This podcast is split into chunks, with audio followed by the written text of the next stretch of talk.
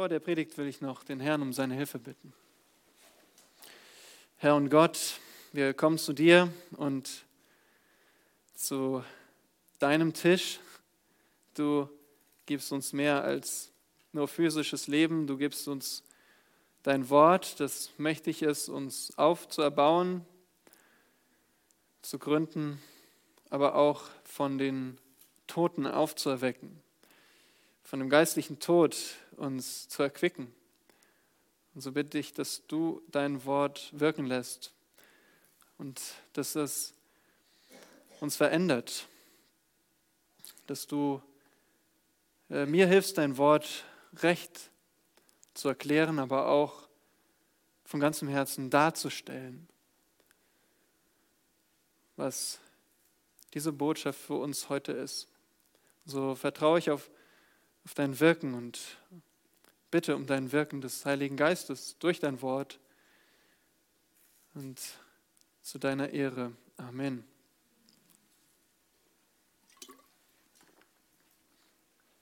Nun, seinem Kommentar zu dem Psalmen ähm, berichtet Steve Lawson folgende Szene. Eine ältere Dame wurde durch eine große Kathedrale geführt hier in Europa. Und der Fremdenführer der bemühte sich sehr, diese atemberaubende Architektur hervorzuheben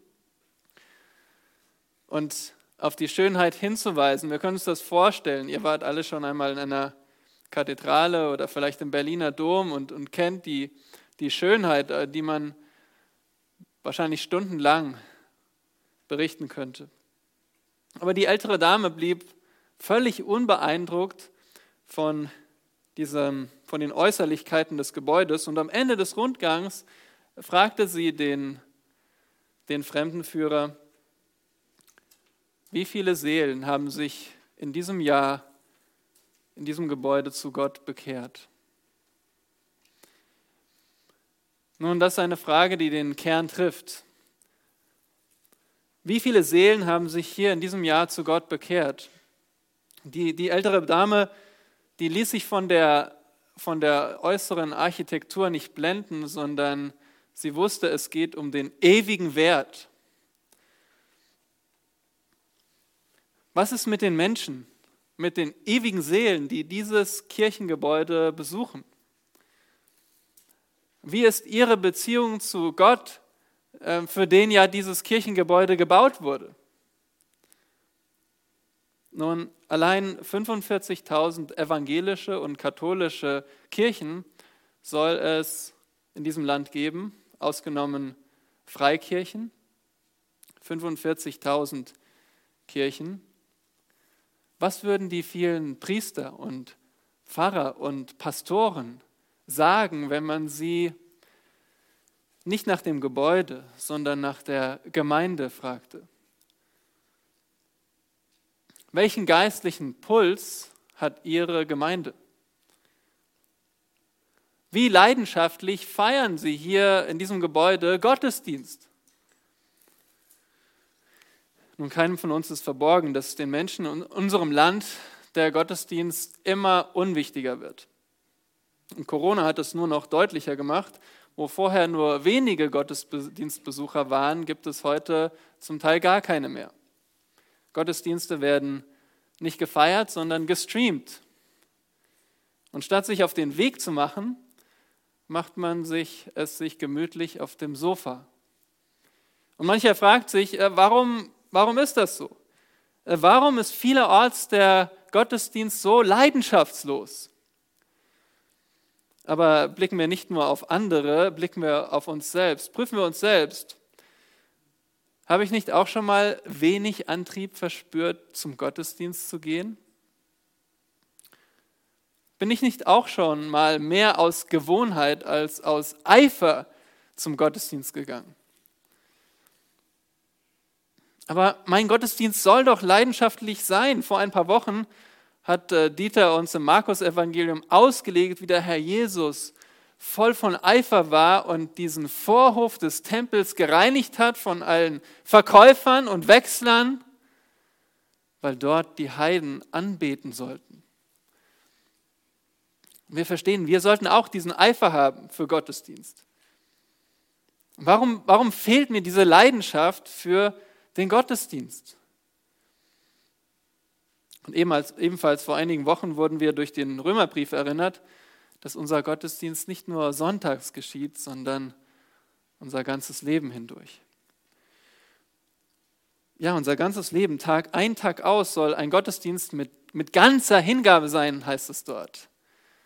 Römer 12, Vers 1 bis 2. Was kann in mir diesen leidenschaftlichen Gottesdienst entzünden? Und die Antwort finden wir im Psalm 84. Das Spurgeon nannte ihn die Perle der Psalmen, wenn Psalm 23 der bekannteste Psalm ist. Wenn Psalm 103 der fröhlichste ist, dann ist Psalm 84 der lieblichste Psalm, der einen großen Frieden ausstrahlt. Lesen wir Psalm 84. Und ich lese nach der Schlachter 2000. Dem Vorsänger auf der Gittit von den Söhnen Choras, ein Psalm. Wie lieblich sind deine Wohnungen, o Jahwe der Herrscharen. Meine Seele verlangte und sehnte sich nach den Vorhöfen Jahwes. Nun jubeln mein Herz und mein Leib dem lebendigen Gott zu hat doch der Sperling ein Haus gefunden und die Schwalbe ein Nest für sich, wo sie ihre Jungen hinlegen kann.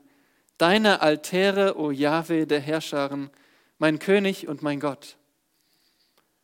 Wohl denen, die in deinem Haus wohnen, sie preisen dich alle Zeit. Selah. Wohl dem Menschen, dessen Stärke in dir liegt, wohl denen, in deren Herzen gebahnte Wege sind. Wenn solche durch das Tal der Tränen gehen, machen sie es zu lauter Quellen und der Frühregen bedeckt es mit Segen. Sie schreiten von Kraft zu Kraft, erscheinen vor Gott in Zion. Jahwe, Gott der Herrscharen, höre mein Gebet. Du Gott Jakobs, achte darauf. Selah. O Gott, unser Schild, sieh doch. Blicke auf das Angesicht deines Gesalbten. Denn ein Tag in deinen Vorhöfen ist besser als sonst tausend. Ich will lieber an der Schwelle im Haus meines Gottes stehen, als wohnen in den Zelten der Gottlosen. Denn Gott Jahwe ist Sonne und Schild. Jahwe gibt Gnade und Herrlichkeit. Wer in Lauterkeit wandelt, dem versagt er nichts Gutes o Jahwe der Herrscharen, wohl dem Menschen, der auf dich vertraut. Nun, habe ich zu viel versprochen? Ist das nicht eine Perle? Vor uns haben wir ein wertvolles Stück aus dem Liederbuch der Israeliten. Und Vers 1 erinnert uns daran, dass wir hier einen Liedtext vor uns haben, der dem Vorsänger gewidmet war. Und der Hinweis auf der Gittit klingt nach einem Musikinstrument und meint möglicherweise so ein Saiteninstrument aus der Stadt Gad. Aber schlägt man Gittit im Wörterbuch nach, dann findet man die Bedeutung Weinpressen.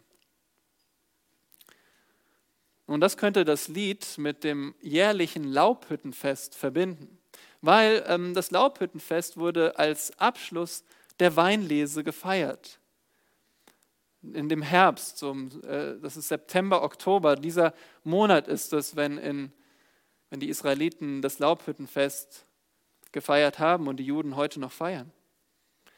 Und was besonders war, ist, zu dieser Zeit pilgerte jeder männliche Israelit nach Jerusalem zum Tempel, um dort anzubeten und dieses Laubhüttenfest zu feiern und sich an Gottes Bewahrung in der Wüste zu erinnern. Nun, wer schrieb dieses Lied? Ihr seht es hier in Vers 1 von den Söhnen Koras. Und allein das ist schon bemerkenswert, denn es waren die Nachkommen des rebellischen Leviten Korah. Von Korah lesen wir in 4. Mose. Und ihr erinnert euch an die Wanderung durch die Wüste. Die Israeliten hatten erst gegen Gottes oder gegen Moses Leitung rebelliert. Sie wollten nicht in das Land einziehen und als Strafe mussten sie 40 Jahre durch die Wüste ziehen, bis alle 20-Jährigen und älter starben.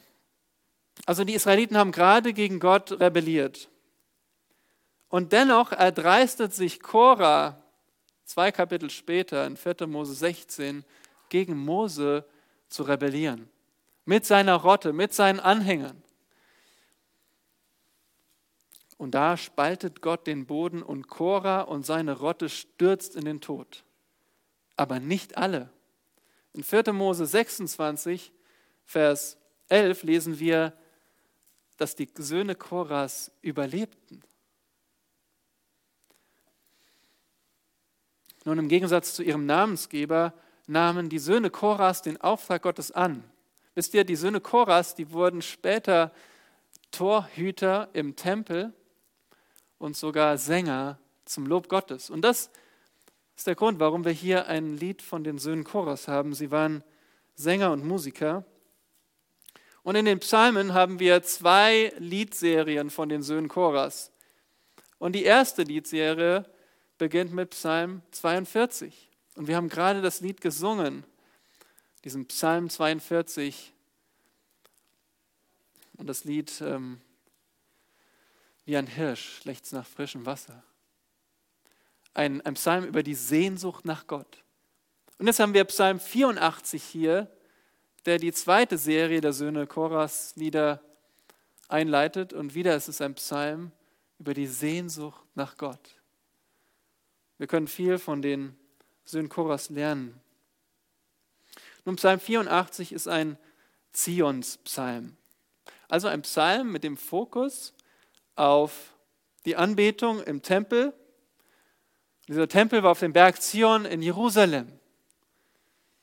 Und damit ist Psalm 84 so, so ein ähnlicher Psalm wie die Wallfahrtslieder, die im Psalm 120 beginnen. Diese Stufenlieder, diese Lieder für die Pilger nach Jerusalem. Sehr ähnlich. Nun, wie können wir diesen Psalm einteilen? Habt ihr die Selahs gezählt? Wie viele Selahs haben wir in diesem Psalm? Nun, Selah ist ein musikalischer Hinweis in der Schlachter 2000 lest ihr Selah. Wenn ihr eine Elberfelder Übersetzung habt, dann seht ihr womöglich nur einen doppelten Schrägstrich. Da steht gar nicht das Wort Selah. Nun, das ist ein musikalischer Hinweis. Und äh, diese beiden Selahs in diesem Psalm, die teilen den Psalm in drei Teile. Zuerst ist der Liedschreiber in der Ferne, also fern von Jerusalem. Im zweiten Teil macht er sich auf den Weg nach Jerusalem und im dritten Teil, im letzten Teil, ist er beim Tempel und feiert Gottesdienst. Und das überglücklich. Und davon gewinnen wir drei Zündmittel für leidenschaftlichen Gottesdienst. Drei Zündmittel für leidenschaftlichen Gottesdienst. Und äh, kennt ihr diesen Ausdruck brennender Eifer? Daran musste ich denken, an, an dieses Bild des Feuers. Leidenschaft als Feuer, Eifer als Feuer. Und jedes Feuer, das wissen wir, muss entzündet werden. Und wir finden hier drei zuverlässige Zündmittel für leidenschaftlichen Gottesdienst. Und was ist das erste Zündmittel für leidenschaftlichen Gottesdienst? In Versen 1 bis 5 Sehnsucht nach Gottes Nähe. Sehnsucht nach Gottes Nähe. Nun, auch, auch wenn die Söhne Koras ja mehrere sind, ist euch vielleicht aufgefallen, dass dieses Lied in der Einzahl, meist in der Einzahl spricht, aus der Perspektive von einer Person.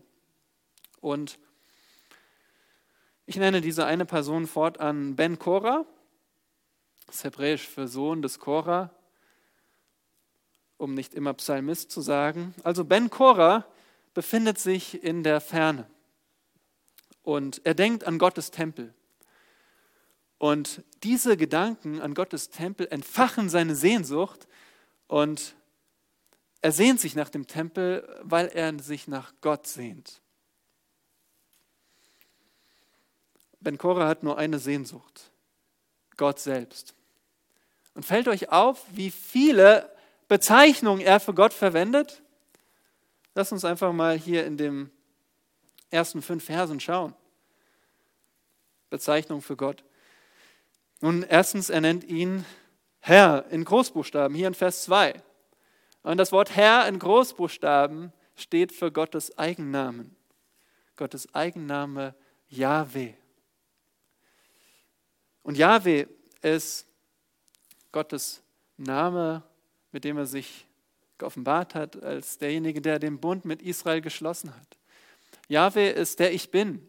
Er ist der ewige, der Selbstgenugsame und der unwandelbare Gott. Und an ihn denkt der Ben Korah, wie Yahweh einen Bund mit Israel aus Liebe schloss. Ben Korah nennt ihn auch Yahweh, der Herrscher, in Vers 2 und in Vers 4. Also nicht nur Gott, der über allem thront, sondern der auch die unzählige Heere seiner Engel zur Verfügung hat. Die Heerscharen der Engel. Und diese Engel, die von Gott erschaffen sind, die beten ihn an, die dienen ihm und die kämpfen für ihn in der geistlichen Welt. Ben Korah sieht Gott als den Heerführer. Ben Korah nennt ihn auch mein König in Vers 4. Mein König, weil er uneingeschränkt regiert und majestätisch herrlich ist. Ben Korah nennt ihn auch den so schön lebendigen Gott in Vers 3. Gott ist der Schöpfer, er ist der Lenker des Universums, aber er ist auch der einzig lebendige Gott. Lebendiger Gott, sagt er. Und Ben Korah kennt seinen Gott. Das lernen wir hier. Er kennt Gott. Und deswegen sehnt er sich nach Gott. Und deswegen sagt er in Vers 2, wie lieblich sind deine Wohnungen. Wörtlich, wie geliebt sind deine Wohnungen. Und damit bezieht er sich auf diesen einen Ort, den Gott bestimmt hat, wo Gottesdienst gefeiert werden sollte. Im Alten Testament, in Jerusalem, im Tempel. Wie sehr liebte Ben Korah den Tempel? Schaut in Vers 3. Er hatte ein starkes Verlangen, meine Seele verlangte. Und nicht nur das, und sehnte sich nach den Vorhöfen. Wisst ihr, was dieses Wort bedeutet? Wörtlich, er verschmachtete. Wörtlich heißt das, er wurde ohnmächtig. Ohnmächtig vor Sehnsucht nach den Vorhöfen. Und die Vorhöfe des Tempels, das war der Bereich, wo, wo die Gemeinde zusammenkam und anbetete. Der Tempel war nicht nur dieses Gebäude mit diesem abgedunkelten, finsteren Raum, wo die Bundeslade stand, wo nur der Priester einmal im Jahr rein durfte. Nein, der Tempel, der war ein Ort außerhalb des Gebäudes mit den Vorhöfen, wo die Israeliten zusammenkamen, um Gott zu preisen, um gemeinschaftlich Gottesdienst zu feiern. Und danach sehnt sich Ben Korah. Wenn ich nur dabei sein könnte, wenn ich nur an den Vorhöfen sein könnte und Gottesdienst feiern könnte. In seinen Gedanken ist Ben Korah schon dort angekommen. Das seht ihr in Vers 3 am Ende. Er sagt, nun jubeln mein Herz und mein Leib dem lebendigen Gott zu. Also Herz und Leib, sein Geist, aber auch sein Körper jubelt Gott zu. Kannst du das nachvollziehen? Kennst du das, dass du an Gott denkst und Du jubelst ihm zu, sodass du das in deinem Körper fühlst? Vielleicht sagt ihr jetzt, Moment Daniel, warte mal. Äh, wir wollen jetzt bloß nicht charismatisch werden. Nein, das hat nichts mit, mit irregeführter Charismatik zu tun. Ihr Lieben, dieser Psalm zeigt uns ein vorbildliches, Verhal ein vorbildliches Verlangen nach Gott, das körperlich fühlbar ist. Kennst du das? Ich meine jetzt keine künstlich fabrizierte Emotion.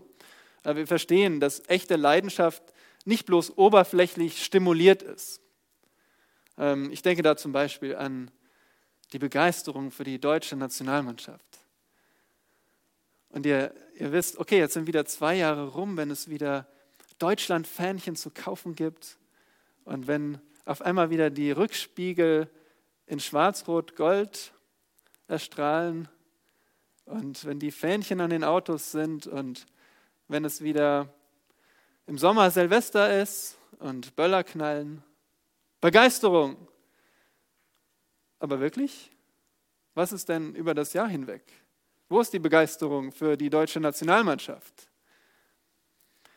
Nun, vielleicht geht es den Menschen oder auch uns manchmal bei der Fußballnationalmannschaft eher um das Gemeinschaftsgefühl, äh, die Geselligkeit, den Spaß, den man gemeinsam hat, Fußball zu schauen oder sich über einen Sieg zu freuen. Also nicht unbedingt die Mannschaft an sich, sondern das, was man davon bekommt, wenn Deutschland gewinnt. Oder vielleicht kennt ihr das von euren Kindern, wenn ihr ihnen sagt, ähm, wenn ihr, stellt euch vor, eure Kinder räumen super immer ihr Zimmer auf, weil ihr ihnen Gummibärchen gibt. Jedes Mal, wenn sie aufräumen, bekommen sie ein Gummibärchen. Und sie sind super Aufräumer geworden. Aber warum? Begeistert sie wirklich das Aufräumen oder eher die Gummibärchen? Oder vielleicht ähm, siehst du deinen Sohn oder deine Tochter auf einmal wie wild Tischtennis trainieren. Frag dich ständig, komm, Papa, Mama, lass uns Tischtennis spielen. Bis du darauf kommst, dass es gerade in der Pausenklicke angesagt ist, in der Pause Tischtennis zu spielen. Und dein Sohn, deine Tochter möchte, möchte da nicht außen vor sein. Und Tischtennis ist also eher hier das Mittel, um akzeptiert zu sein.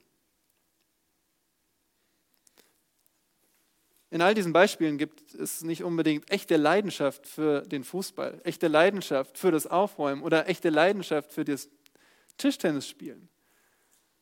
Nein, echte Leidenschaft geht es nicht darum, was ich davon bekomme, sondern echte Leidenschaft ist leidenschaftlich für das Objekt der Leidenschaft. Und diese Illustrationen helfen uns hoffentlich zu verstehen, wo die Leidenschaft von Ben Korah herkommt. Nicht das, was er davon bekommt, sondern Gott selbst ist seine Leidenschaft.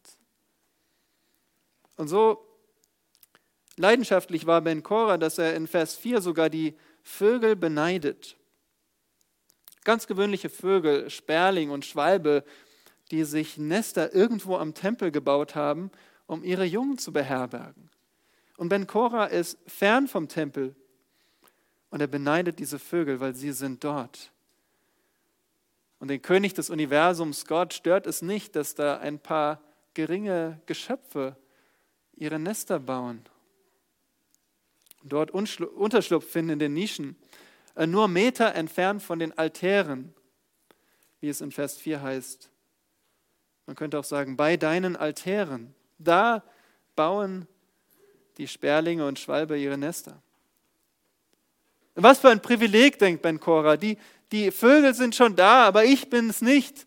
Aber wenn schon Vögel in Gottes Nähe sein können, wie viel mehr ich als Mensch, wenn ich nur dort sein könnte.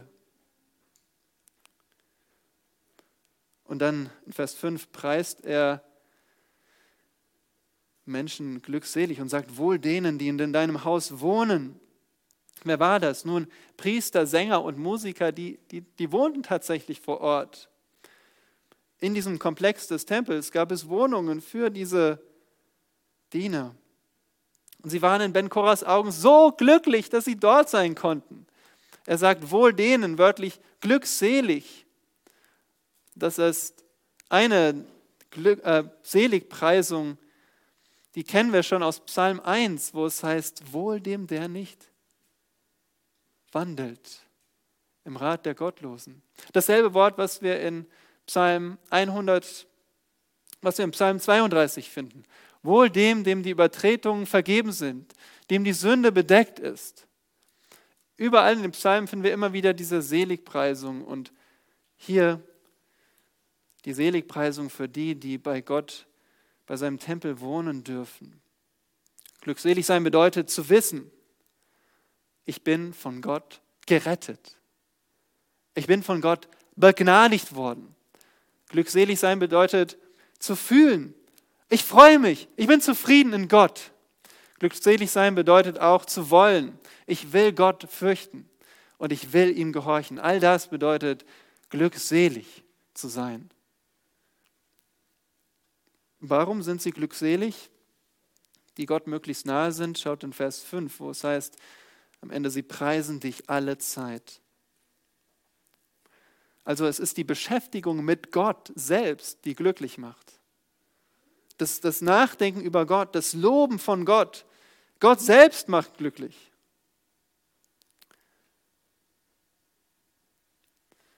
Wenn du keine Sehnsucht nach Gottesdienst hast, dann liegt es daran, dass du keine Sehnsucht nach Gott hast.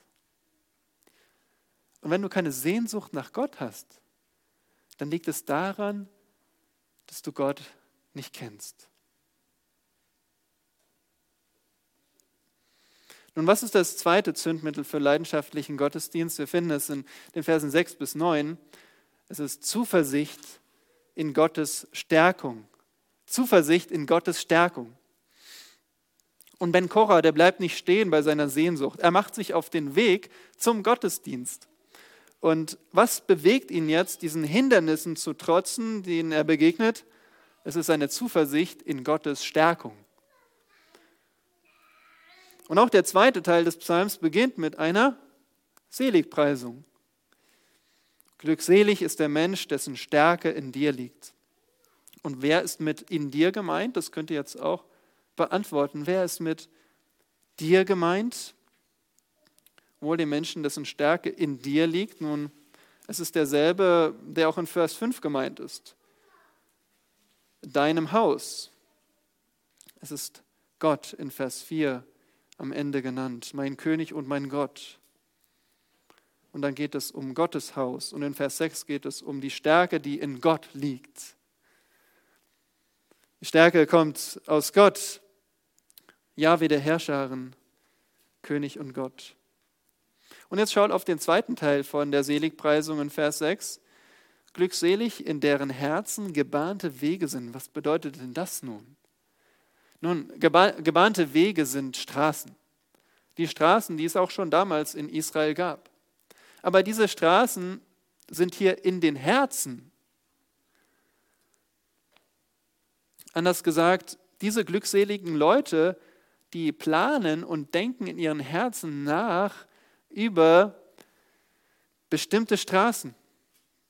Was für Straßen? Wo führen die hin? Schaut in Vers 8.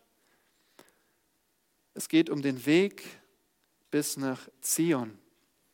In anderen Worten, glückselig die Menschen, die beabsichtigen, nach Jerusalem zum Tempel zu pilgern, auf diesen Straßen zu gehen und dabei aus Gott ihre Kraft beziehen. Aber wofür brauchen sie denn Kraft? Nun, das ist eine gute Frage. Machen wir uns bewusst, dass die Israeliten nicht alle in Jerusalem wohnten und ihre Heimatorte waren vielleicht weiter entfernt von Jerusalem. Man, man reiste nicht so häufig. Man blieb an seinem Heimatort. Und wenn sie verreisten, dann machten sie das zu Fuß. Im Fall von Jerusalem ging es ins bergige Terrain. Jerusalem auf etwa 800 Metern liegt das. Und aus dem hohen Norden Israels wären es bis zu 170 Kilometern Luftlinie gewesen also über 200 Kilometer Wegstrecke zu laufen, zu wandern. Dafür braucht man Kraft, um zum Gottesdienst zu kommen. Und in Vers 7 ist Ben Korah schon tatsächlich unterwegs auf der Wanderung mit seinen Gefährten. Seht ihr, da geht es um die Mehrzahl, wenn solche gehen wenn solche durch das Tal der Tränen gehen. Wörtlich ausgedrückt ist es das Tal Bakar. Nun, Tränen auf Hebräisch hört sich zwar wie Baka an, wird aber anders geschrieben. Aber weil es sich so anhört, haben hier die Übersetzer es mit Tränen übersetzt. Baka. Aber möglicherweise steht Baka auch für eine Baumart, die an dürren Orten wächst. Wie kommt man darauf? Nun, wenn ihr euch Vers 7 anschaut, dann seht ihr, dass es im Kontrast in dem Rest des Verses um Quellen und Frühregen geht. Darum, das Tal der Tränen ist ein Tal, ein dürrer Ort, ein trockener Ort. Aber diese trockene Landschaft, die war für die Pilger keine Endstation. Selbst so ein dürres Tal auf dem Weg war für sie wie Quellen, weil sie voller Zuversicht waren, voller Hoffnung darauf, dass Gott sie auch durch Hindernisse bis zum Tempel bringt. Ihre Stärke liegt in Gott. Und Gott handelt spürbar und sendet den Frühregen, also tatsächlichen Frühregen, der auf sie niederfällt. Das ist kein, kein heftiger Niederschlag, sondern ein leichter Herbstregen, der sie erfrischt in, de, in dem dürren Land. Und ihr kennt das, wenn, wenn es lange trocken war und, und es regnet und man auch gerne rausgeht und sich auch mal ohne Regenschirm beregnen lässt und sich erfreut an, an der Erfrischung. Die hat Gott gesendet. Das war für sie der Segen. Nicht nur für das, für das Land, für die Felder, sondern auch für diese Wanderer.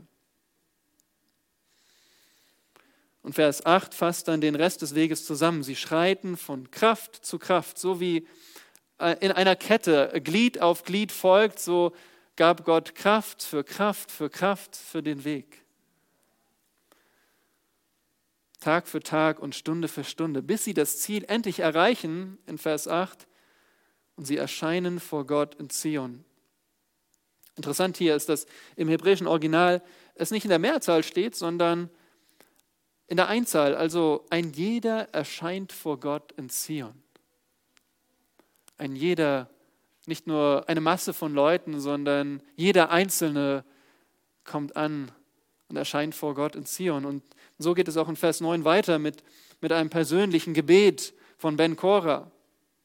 Und wofür betet er? Was ist sein Gebetsanliegen? Sein Gebetsanliegen ist Gebetserhörung. Höre mein Gebet.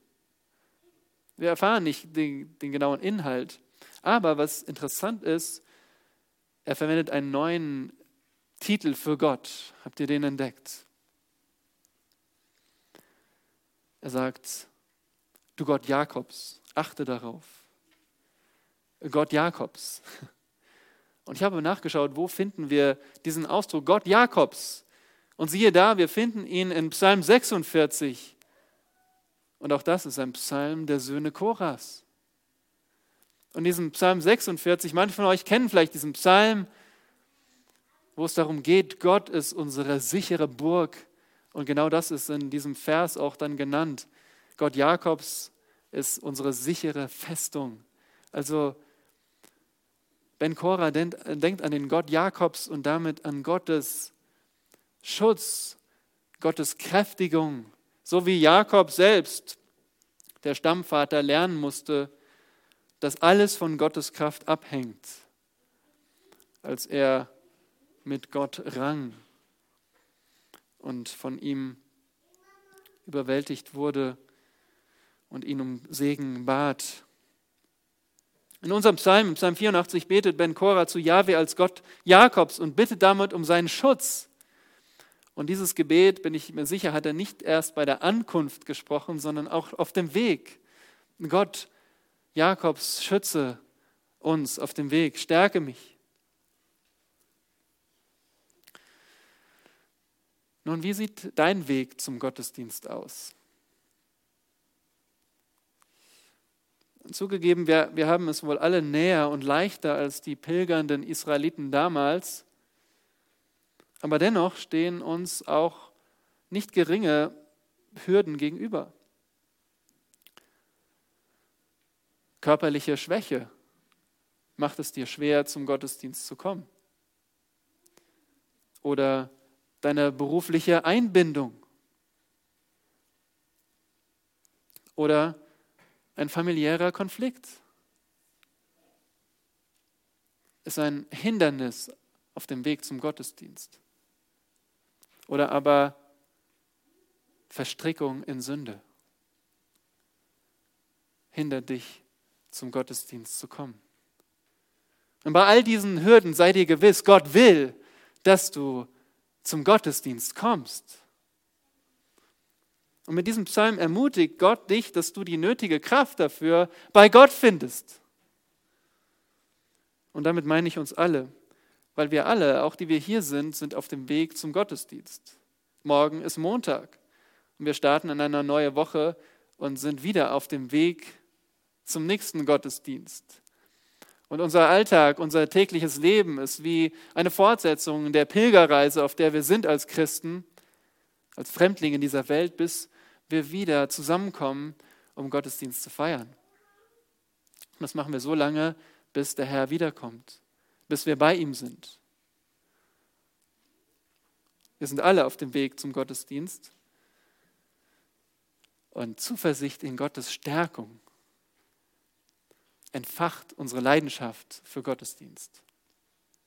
Aber was ist das dritte Zündmittel für leidenschaftlichen Gottesdienst? Wir finden es in den letzten Versen 10 bis 13. Erwartung von Gottes Gnade. Erwartung von Gottes Gnade. Ben Korah, der ist jetzt am Ziel angekommen hier in diesen Versen. Er steht im Tempel, vermutlich im Vorhof. Doch was macht er nun? Wie sieht sein Gottesdienst aus? Nun, Ben Korah betet und sein Gebet drückt aus, was er von Gott erwartet.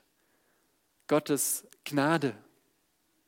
Gleich in Vers 10 lesen wir Ben Korahs eindringliche Worte, die er im Tempel zu Gott betet. Und dabei ist die Reihenfolge entscheidend. Wörtlich heißt es hier, in unserer Schlachterübersetzung heißt es, O Gott, unser Schild, sieh doch. Und man könnte hier denken, dass äh, mit dem Schild Gott gemeint ist. Aber die Reihenfolge wörtlich ist, unser Schild, sieh doch, o Gott. Also Gott ist nicht der Schild hier in Vers 10, sondern Ben Korah betet für den Schild. Wer ist denn dieser Schild, wenn es nicht Gott ist? Nun, hier in diesem Vers gibt es einen Parallelismus über Kreuz. Was heißt das? Nun, wörtlich heißt es, unser Schild, sieh doch, o oh Gott, blicke auf das Angesicht deines Gesalbten. Parallel ist also der erste Begriff Schild und der letzte Begriff der Gesalbte. Und so betet Ben Korah für ihr Schild, also für den König, für den gesalbten König in Jerusalem. Und im Fall von Saul, David und Salomo war es ja der König über ganz Israel. Aber nach Salomo regierte in Jerusalem der König nicht mehr über ganz Israel, sondern ihr wisst es, nur über das Südreich Juda. Und dieser König von Jerusalem war äh, für die Israeliten, für die Juden der menschliche Schild, der menschliche Schutz. Und Ben Korah erbittet Gottes Gunst für den König. Weil wenn der König Gunst bei Gott hat, dann empfängt er Weisheit von Gott. Und wenn der König Weisheit von Gott hat, dann wird er die Anbetung Gottes in Jerusalem pflegen und schützen. Versteht ihr? Ben Korah betet für den König, weil der König die Anbetung Gottes schützt. Zumindest sollte das sein oberstes Anliegen sein. Er sollte die Anbetung Gottes schützen. Und das war Ben Korras Anliegen. Er sehnt sich nach Gott, er sehnt sich nach Gottesdienst und er betet für den König, dass Gott ihm Gunst schenkt.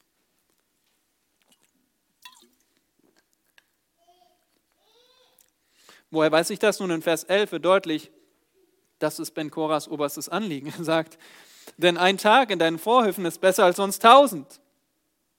Ein Tag mit gemeinsamem Gottesdienst äh, im Tempelhof ist besser ich meine den Hof, den Vorhof des Tempels, nicht Tempelhof, auch wenn es dort sicher auch Geschwister hoffentlich gibt, die den lebendigen Gott anbeten. Und ein Tag mit gemeinsamem Gottesdienst ist besser als tausend beliebige Tage mit sonstigen Aktivitäten. Wow! Würdest du das auch so sagen? Sonntag ist besser als tausend Tage Urlaub. Würdest du das sagen?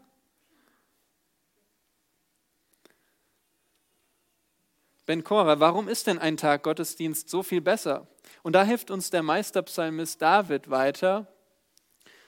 Und in Psalm 27, Vers 4 habe ich so einen ähnlichen Ausdruck gefunden.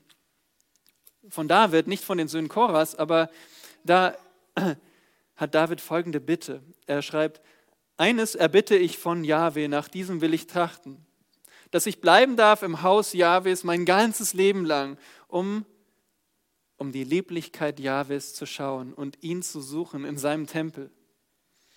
Und dieses Wort äh, Lieblichkeit hier übersetzt bedeutet Gnade. Es bedeutet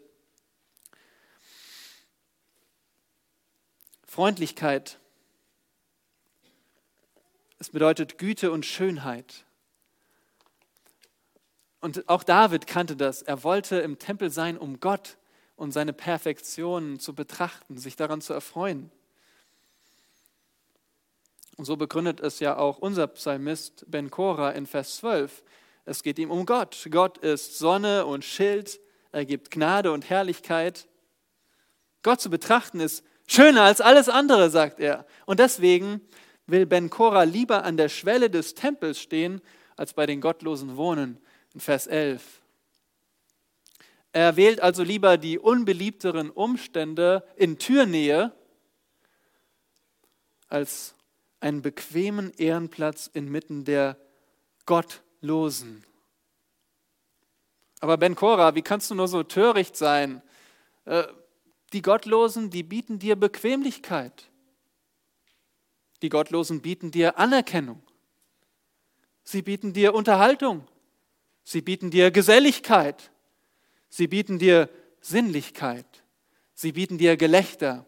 Sie bieten dir Toleranz. Sie bieten dir Absicherung. Sie bieten dir Gesundheit.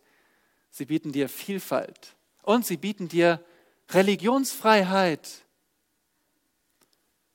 Du darfst nur nicht behaupten, du kennst den einzig wahren Gott, der Gottlose verurteilt. Nun, nein, danke, sagt Ben Cora. Wenn mein Gott und Herr nicht bei euch wohnt, dann wähle ich lieber die niedrigen Umstände, wenn ich nur dort sein kann, wo der wahre Gott angebetet wird. Vers 12, mein Gott, Jahwe, ist Sonne und Schild. Jahwe gibt Gnade und Herrlichkeit. Und von diesen vier Wahrheiten in Vers 12 bilden die, bilden die erste und die letzte Wahrheit eine Klammer um die mittleren beiden. Also Jahwe ist Schild steht in der Mitte und Jahwe gibt Gnade. Seht ihr das? Schild und er gibt Gnade. Das gehört zusammen. Warum gehört das zusammen? Nun, das erste Mal finden wir dieses Wort Gnade. Ich habe es gesucht in 1. Mose 6, Vers 8, der bekannte Vers, wo es heißt, und Noah fand Gunst. Er fand Gnade bei Gott. Und wozu hat diese Gnade geführt? Nun, Noah war derjenige, und seine Familie mit ihm, der vor der verdienten weltweiten Flut verschont wurde. Gottes Gnade hat ihn wie ein Schild geschützt vor dem Gericht. Und wer findet gemäß Sprüche Vers 4, 3, Vers 34, seit jeher Gottes Gnade, den Demütigen gibt er Gnade derselbe Ausdruck. Jahwe ist auch Sonne und er gibt Herrlichkeit. Nur im, hier im AT, im Alten Testament, wird Jahwe als die Sonne bezeichnet, als, als die Quelle von allen Lebens. Und ebenso wenig, wie wir seine Gnade verdienen, so unverdient schenkt Gott den Gläubigen seine Herrlichkeit. Und schließlich, in Vers 12 heißt es, wer in Lauterkeit wandelt, dem versagt er nichts Gutes.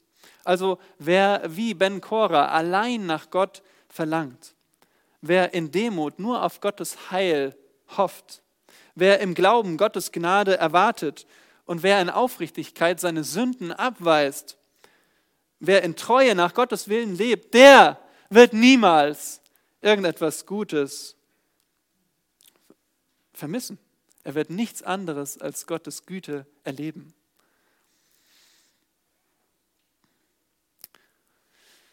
Nun, was erwartest du eigentlich von deinem Gott, dem du dienst? Gibst du dich vielleicht mit ein bisschen zufrieden? Ist Gott für dich derjenige, der dir ein bisschen mehr Freude im Alltag bietet? Ist dieser Gott derjenige, der dir ein bisschen mehr Kraft für deine Mühe gibt? Ist Gott der, der dir ein bisschen mehr Ruhe im Stress gibt, ein bisschen mehr Zuversicht in Traurigkeit, ein bisschen mehr Durchblick im Chaos? Nein, das ist nicht Jahwe der Herrscher. Das ist nicht die reine Sonne, der starke Schild, der alle Gnade und alle Herrlichkeit gibt, der nichts Gutes versagt dem, der ihm folgt, erwartest du Großes vom großen Gott.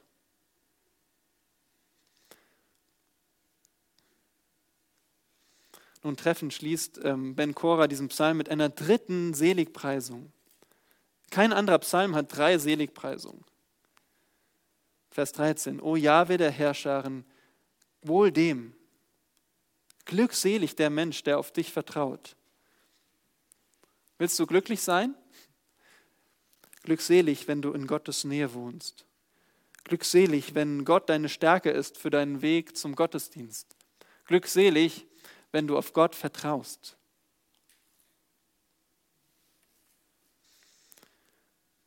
Und so haben wir drei Zündmittel für den leidenschaftlichen Gottesdienst gelernt. Hoffentlich nachvollzogen, dass es damit beginnt, dass wir uns nach Gott sehnen und dass wir seine Stärkung erwarten dafür, für unseren Weg, für unseren Weg zum Gottesdienst oder für unseren Weg durch den Alltag, wenn wir uns auf den nächsten Gottesdienst freuen. Und die Erwartung, dass Gott uns beschenkt überreich mit Gnade, unverdienter Gunst. Damit sind wir am Ende des Psalms fast. Eins haben wir noch nicht ganz ergründet. Das Gebet in Vers 10. Unser Schild, sieh doch, o oh Gott, blicke auf das Angesicht deines Gesalbten. Wer ist dieser Gesalbte? Wer ist dieser Gesalbte? Ich habe mal nachgesucht. Der Ausdruck, das Angesicht deines Gesalbten im Hebräischen, kommt nur an einer anderen Stelle in den Psalmen vor. Und das ist Psalm 132. Psalm 132. Geht einmal zu Psalm 132. Psalm 132 ist auch ein Wallfahrtslied. Auch ein Lied der Pilger nach Jerusalem. Und man findet Teile dieses Psalmes als Wortlaut in 2. Chronik 6 und das ist die Stelle, wo Salomo betet, als er den Tempel einweiht.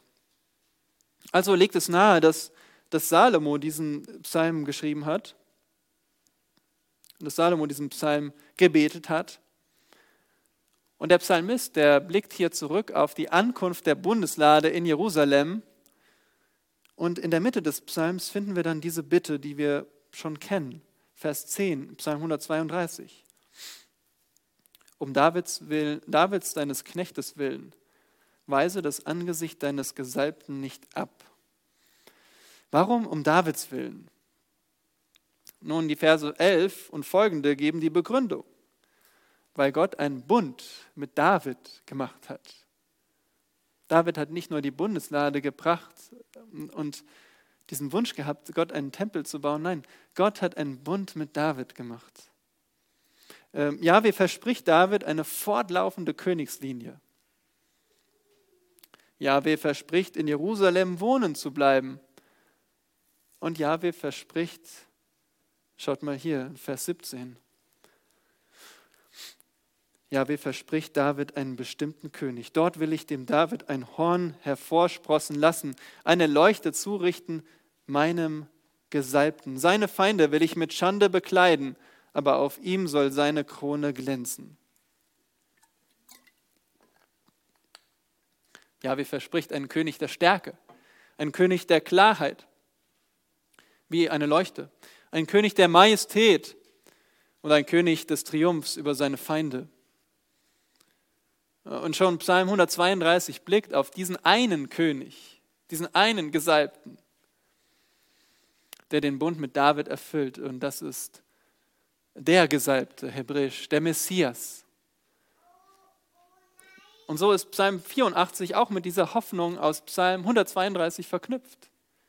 Die Hoffnung auf den einen König. Und Ben Korah betet für diesen König also er betet für den König in Jerusalem, wer immer das auch war zu der Zeit, mit dem hoffnungsvollen Blick auf den zukünftigen ultimativen König, den Messias. Er ist der Schild. Auch du brauchst diesen Schild. Wovor? Du brauchst einen Schild vor Gott.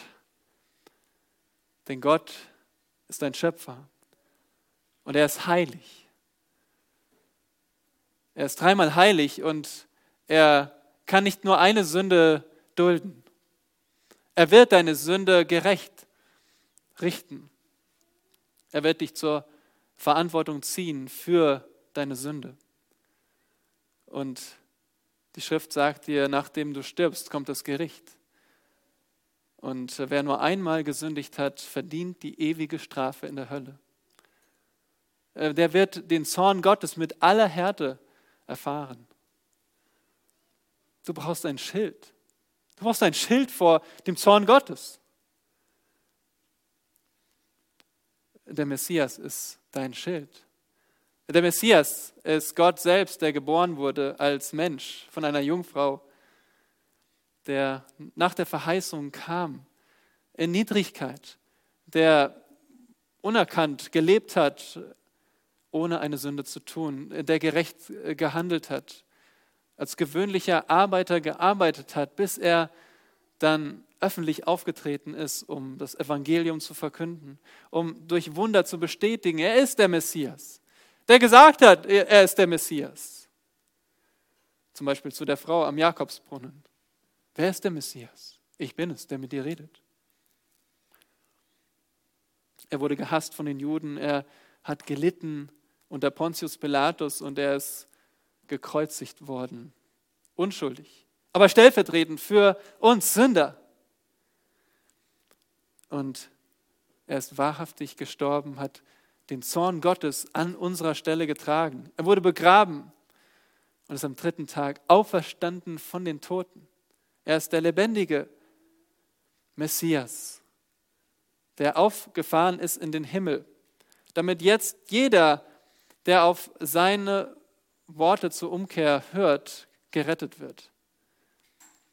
Der Jesus ist nicht gleich auf den Thron gegangen, um über nur wenige wiedergeborene Menschen zu regieren. Nein, er wartet, er, er, zieht Menschen zu sich. Der Vater zieht Menschen zu sich. Er, er wartet, damit noch mehr Menschen den Aufruf zur Umkehr hören und zu dem Messias beten bitte, vergib mir meine Schuld. Schütze mich vor dem Zorn Gottes. Ich verdiene jeden, jedes Milligramm vom Zorn Gottes. Und so rufe ich dich auf, wenn du noch nicht umgekehrt bist, tu es heute, tue Buße, kehre um zu dem Messias, Jesus Christus.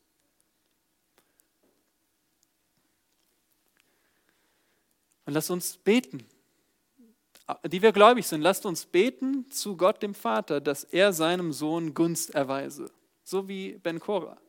Aber warum sollten wir das tun? Warum sollten wir für den Messias Jesus beten? Äh, nicht, weil er sich nicht eignet, nicht, weil er irgendwie fehlerhaft wäre. Nein, wir beten für den Messias, dass Gott ihm Gunst erweist, dass er ihn in Jerusalem endlich einsetzt, dass er seinen Bund erfüllt, dass er den Herrn Jesus wiederbringt, damit er hier sein Reich aufrichtet. Ein Reich der, des Friedens, der Gerechtigkeit. Und wir beten auch wie in der Offenbarung, Herr, komme bald. Zum Schluss ermutigt uns Charles Spurgeon, wenn unser himmlischer Vater nur auf Christus schaut, kann uns nichts geschehen. Wenn der Vater nur ins Gesicht seines Sohnes blickt, dann können wir fröhlich in sein Angesicht blicken.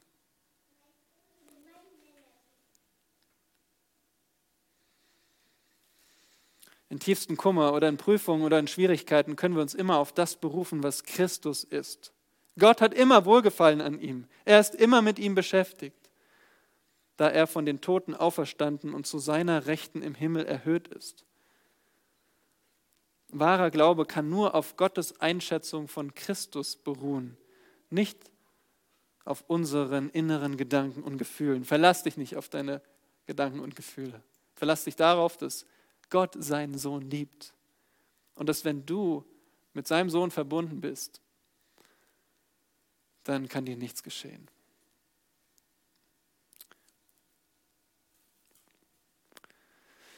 Lass uns das beherzigen.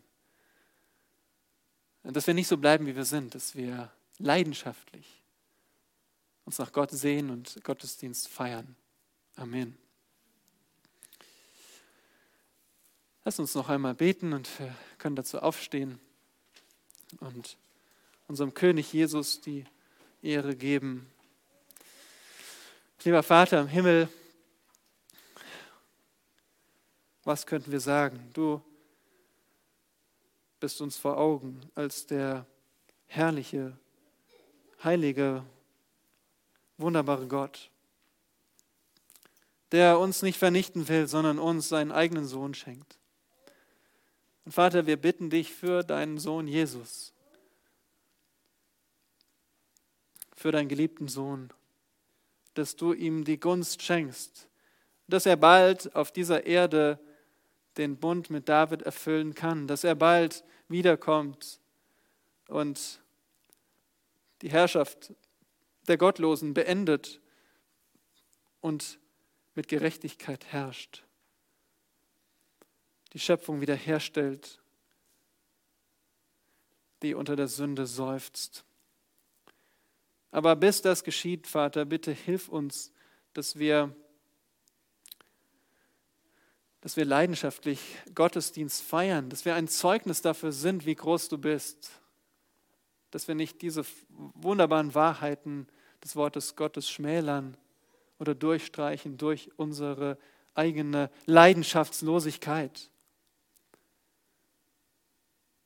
Und bitte entfache auch unseren Eifer, dass wir zu den Menschen gehen und sagen, Christus ist ein einziger Schild vor dem Zorn Gottes, den auch du verdient hast dass Menschen sich zu dir bekehren, um dich zu preisen, alle Zeit. Und wenn jemand dein Wort heute gehört hat und dich nicht kennt, so bitte ich, dass du ihm die Augen öffnest und du rettest, was verloren ist. In Jesu Namen. Amen.